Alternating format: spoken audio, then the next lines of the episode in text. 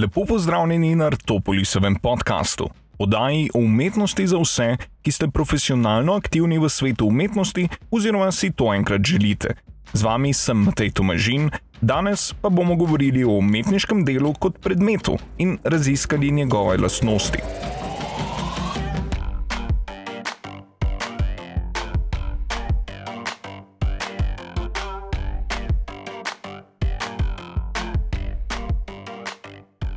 V prejšnjem delu smo že načeli temo umetniškega dela, vsaj v povezavi z gledalcem, in ugotovili, da je to edini funkcionalen način analize umetniškega dela.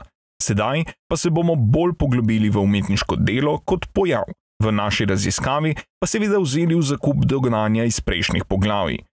Umetniško delo lahko delimo na fizično telo in metafizično telo.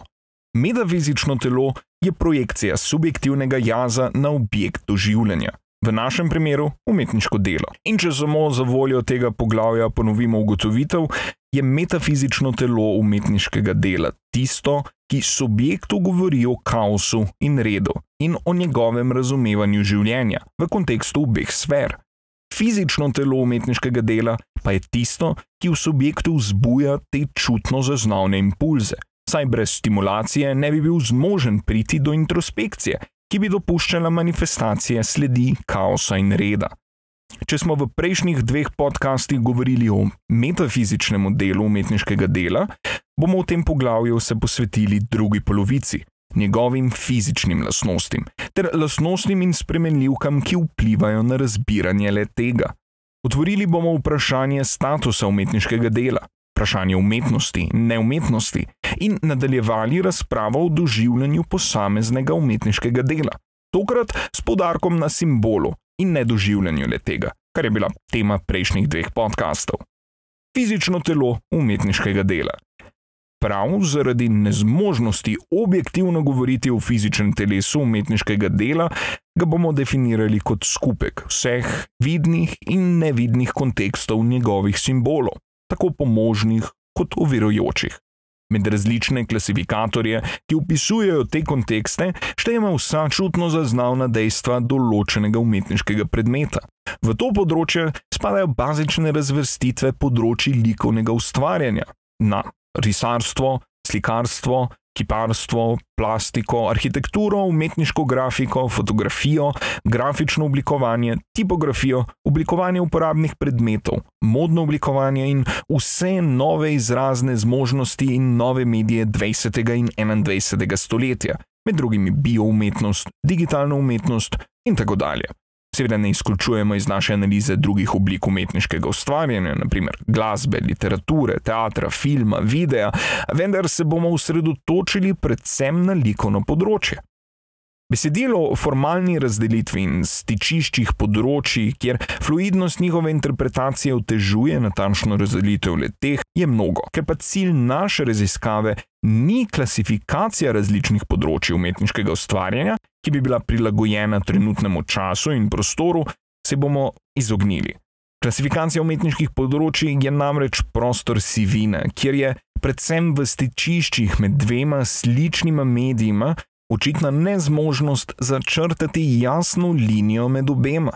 Naprimer, vprašanje klasifikacije umetniških del Tuga Šušnika brez naslova, črno-bela, iz leta 1975 kot kip ali sliko. To je splošen konsens, da gre za slikarska dela, vendar je jasno, da je popolnoma enako možno priti do drugačne ugotovitve, saj je meja med slikarstvom in plastiko precej zamegljena in je klasifikacija teh del bolj semantična igra 20. stoletja kot objektivno odgovorljivo vprašanje. So pa še nadaljne razčlenitve, ki so možne v vsakem mediju umetniške produkcije, namreč na klasifikatorje likovnih prvin, kot so točka, črta, svetlo-temno, barva, oblika, ploskev in prostor, Prav tako pa se čutno zaznavno lahko dodatno klasificira s pojmi, ki obstajajo pod skupnim imenovalcem likovne spremenljivke, naprimer tekstura, število, gostota, smer, velikost, položaj in teža. Niti pri likovnih prvinah, niti pri likovnih spremenljivkah pa ne gre za subjektivne pojave. Čeprav bi urodje neskončnega posploševanja bilo zmožno mnogo kakšnega oporekanja, ampak v bistvu gre za tendence objektivnega razbiranja umetniških del kot skupek določenih čutno zaznavnih sledi. Mednje spada tudi vprašanje kompozicije in mnogo katero drugo področje likovne teorije, ki podrobno študirale te. Za voljo raziskave bomo zgolj omenili, da gre tukaj za naravne simbole. V svojem raziskovanju se pa zaradi želje strnjenosti razmišljanja z bolj podrobno razčlembo teh klasifikatorjev nekako ne bomo ukvarjali. Bolj pomembno je zgolj osnovno razumevanje, da vsi ti dejavniki gradijo simbole, ki jih umetniško delo predstavlja za subjekt. Tu se lahko pojavi tudi vprašanje kvalitativnega ocenjevanja umetniškega dela, primarno po njegovih materialnih, čutno zaznavnih lastnostih, katerega argumente je moč najti v pisanju Clemensa Greenberga, naprimer v Art in Culture.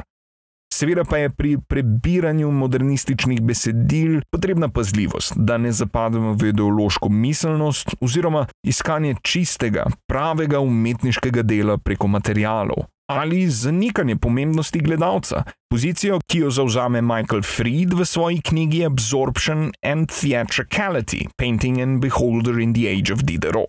Seveda pa je pomembno razumevanje medija, materialov in njihovih lastnosti tako čutno zaznavnih, kot tudi mentalno razumljenih. Risba s tušem, naprimer, ki ni bil fiksiran, se ob stiku z vodo ponovno razvije, s tem pa je izvorna risba uničena in celoten dogodek postane, zaradi lastnosti medija umetniškega dela, kontekst za sporočilo efemernosti.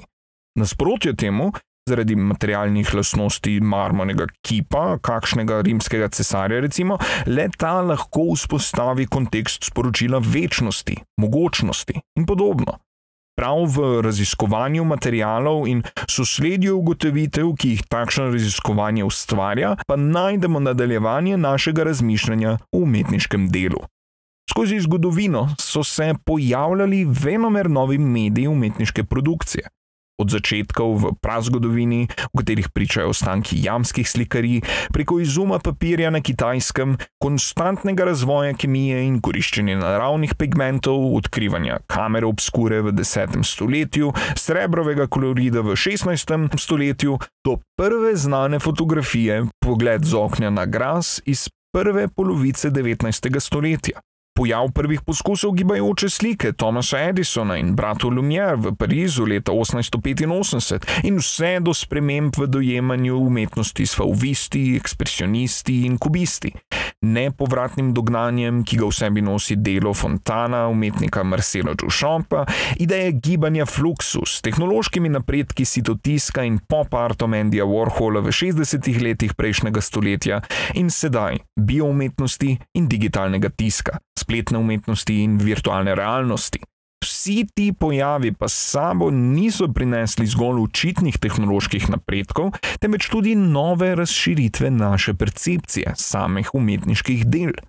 Ko je naprimer George Brack prvič ustvaril v tehniki papirnatega kolaža in v letu 1912 naredil svoje delo posoda s sadjem in kozarec, in ko je Pablo Picasso prevzel to tehniko in jo zelo uspešno predstavil umetniškemu svetu, je bil to posredno tudi začetek velikega preobrata v dojemanju in s tem tudi klasifikacije umetniškega dela samega. Saj se je, ko je umetnik prvič uporabil neumetniški material, pojavil zametek vprašanja, iz česa prava umetnost sploh je. Do takrat je namreč veljalo, da so prava umetniška dela naslikana z barvo, samo po sebi popolnoma neumetniško substanco, ki še ne skozi gesto učenega in spretnega umetnika postane umetniško delo. Tako pa je umetniško delo postalo asemblaž papirčkov ustvarjeno z malo bolj površno gesto. In pet let potem je v New Yorku ta miselni tok privedel do dela Fontane. In vprašanje o materialnosti umetniškega dela se je, vsaj gledano z današnjim dognanjem, odprlo neskončnim sivinam diskurza o vprašanju: kaj je umetnost? To aktualnost ohranja še danes. Prav tako je izum nebledeče, oziroma ne črneče, bi bilo bolj pravilno, fotografske upodobitve iz leta 1826 začel tiho, a ne izpodbitno revolucijo v dojemanju podobe in vprašanju umetniške vrednosti takšne upodobitve, primerjavi s slikarsko produkcijo. Vse do nasičenosti podob v 21. stoletju, naprimer mediji reklame. Fotografija je bila tudi eden izmed glavnih medijev, ki je pod vprašaj postavil avtorja umetniškega dela. Le to pa se je zgolj potencirano s tem, da ima danes vsak prebivalec razvitega sveta, ki si lasti pametni telefon, v rokah tudi fotografski aparat, s katerim je sedaj, vsaj v teoriji, vsak lahko fotograf in s tem potencialno tudi vsak umetnik. In tako se je pojavilo vprašanje o statusu fotografije. Neposredno se je pojavilo tudi vprašanje vrednosti takšne upodobitve v primerjavi z realistično sliko iz enakega obdobja, ki je bila, ravno nasprotno od fotografskega medija, rezultat izkušenega in dolgoročnega dela slikarja. Sicer nikakor ne želimo komentirati resničnost te teze, namen je zgolj orisati takratno razmišljanje splošne in strokovne javnosti o novih medijih umetniške produkcije.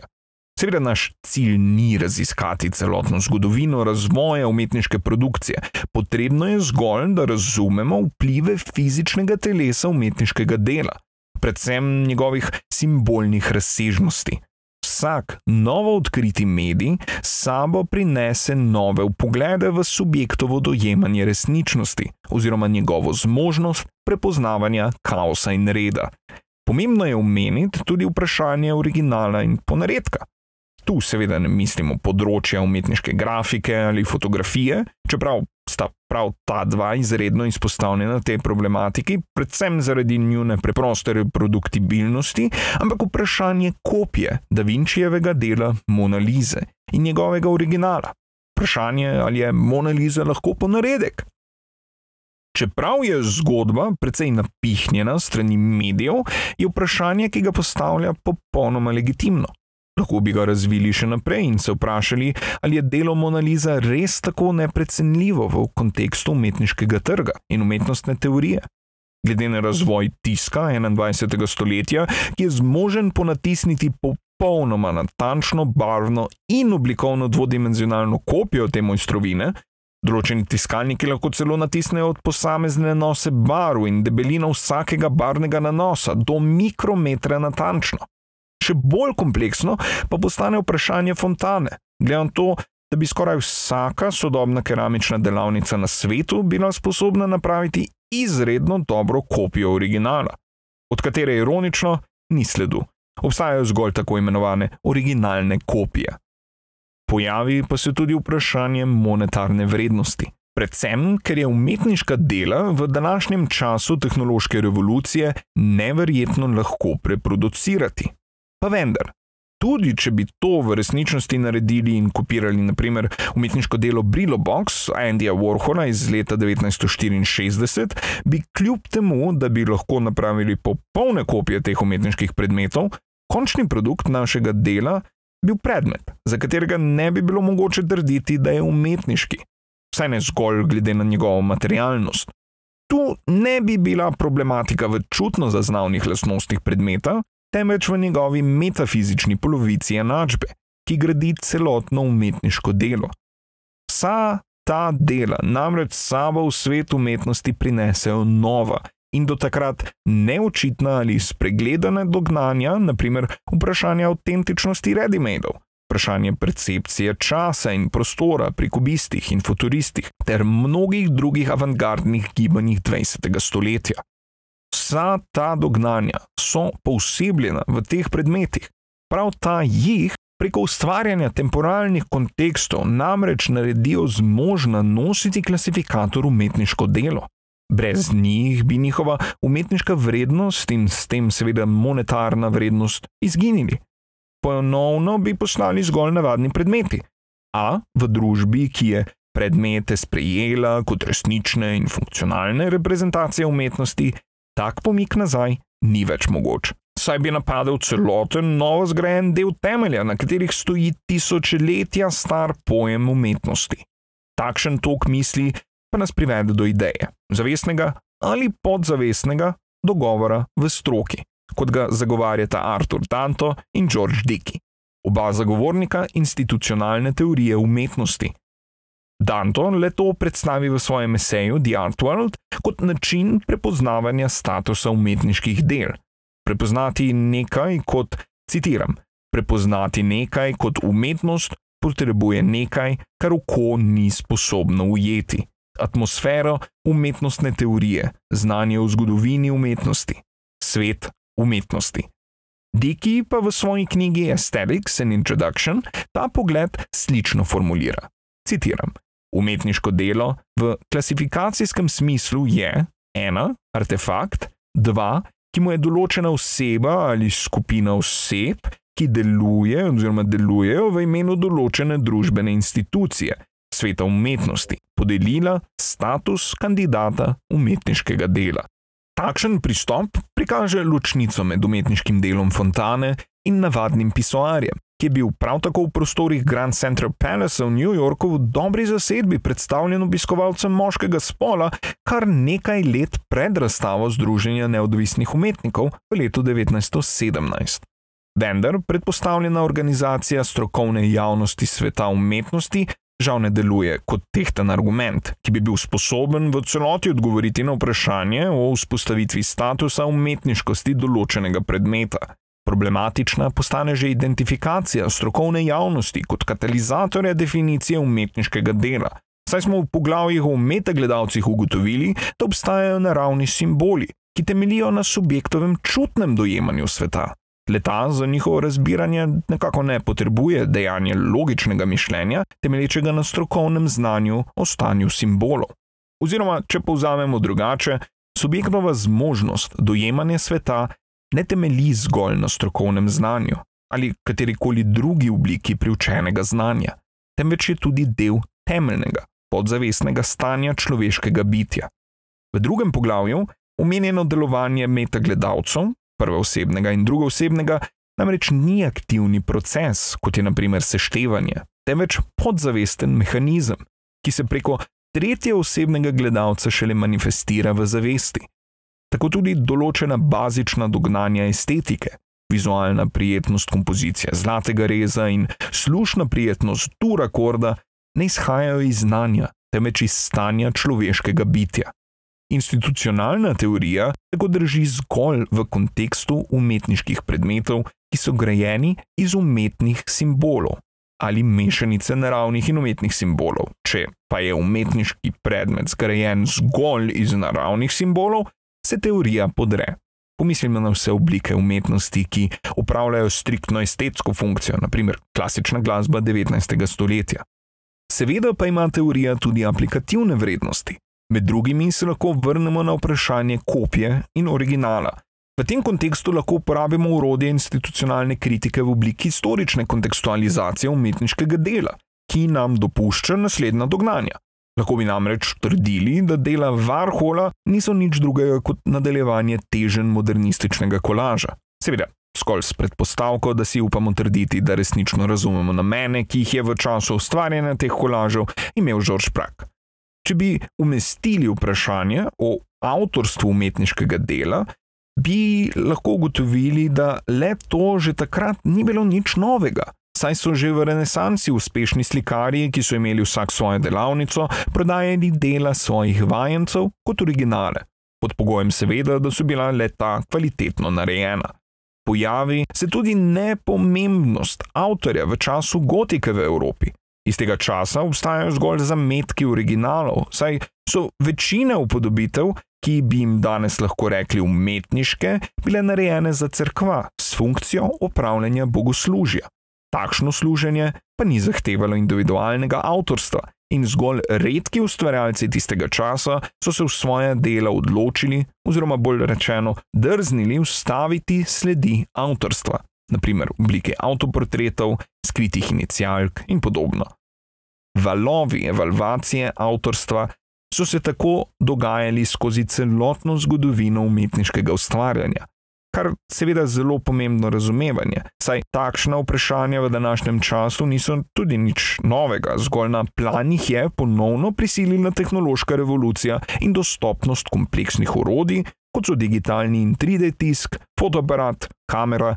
In v zadnjem času celo baze z genetskim materialom CRISPR, s katerimi lahko skoraj vsak, seveda, če je dovolj poučen, posameznik ustvari določene biološke tvorbe. Iz konteksta celotnega razvoja ideje avtorstva do Varholove odločitve razstaviti dela Brillo Box je seveda razvidna težna institucionalne teorije umetnosti, definicijo umetniškosti delegirati na strokovno javnost. Kdo drug, če ne najpametnejši in najbolj sposobni posamezniki družbe, v kontekstu njihovega področja, seveda, pa bi bil sposoben tako težke presoje. Predvsem v času, ko je tehnologija začenjala omogočati masovno produkcijo predmetov, tudi umetniških, med drugim je leta 1960 bil predstavljen prvi fotokopirni stroj Xerox 914, ki je bil cenovno dovolj dostopen tudi potrošnikom in začel revolucijo v izdelavi manjših naklad tiskanih umetniških del. Naprimer 26 Gasoline Stations umetnika Edwarda Rušeja iz leta 1963. Kako torej opredeliti vprašanje umetniškega dela, ki ne bi temeljilo zgolj na upoštevanju umetnih simbolov? Za razumevanje le tega moramo dopolniti prvo poglavje, kjer smo govorili o gledalcu, kot stvaritelju umetniške izkušnje in s tem tudi umetniškega dela. Začeti pa moramo na začetku, pred vzpostavitvijo umetnih simbolov da bo v bistvu sploh mogoče ugotoviti, kako pravzaprav deluje mehanizem, ki subjektu dopušča razbiranje določenih predmetov in celo določenih drugih subjektov, naprimer performance, happening in podobno, kot umetniške. Naše predpostavke in vprašanja si delimo z Dantovim iz njegove zadnje knjige What Art Is iz leta 2013, kjer, citiram, pravi, kje so meje umetnosti. V čem se umetnost razlikuje od vsega ostalega, če je vse lahko umetnost?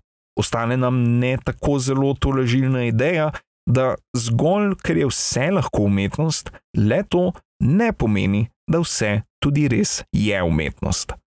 Danto nam v zadnjem stavku predstavi pomembno ugotovitev, zaradi katere tudi predpostavljamo, da bomo odgovor na leto zmožni najti zgolj v gledalcu, se pravi v subjektu.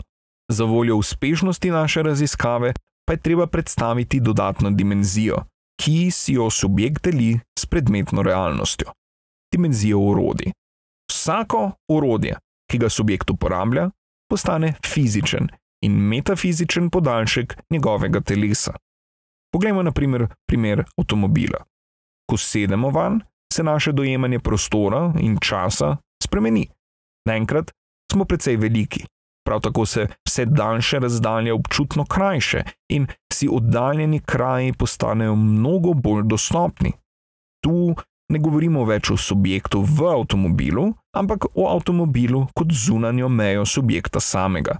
Enako je z oblačili, ki takoj potem, ko jih oblečemo, postanejo del nas. O tem pričajo vse reklame modnih hiš, ki nagovarjajo ne toliko naše potrebe po funkcionalnih oblačilih, temveč našo percepcijo sebe ki smo jo ustvarili v kontekstu določenega tipa oblačila in njegovih simboličnih lastnosti. Naprimer, majice z napisi glasbenih skupin, ki drugim in nam samim sporočajo pripadnost k določeni družbi. Vprašanje pa je, kaj je z vsemi urodi, tako zavirajočimi kot pomožnimi, ki jih še nismo usvojili. Leta pa so v domeni bogov.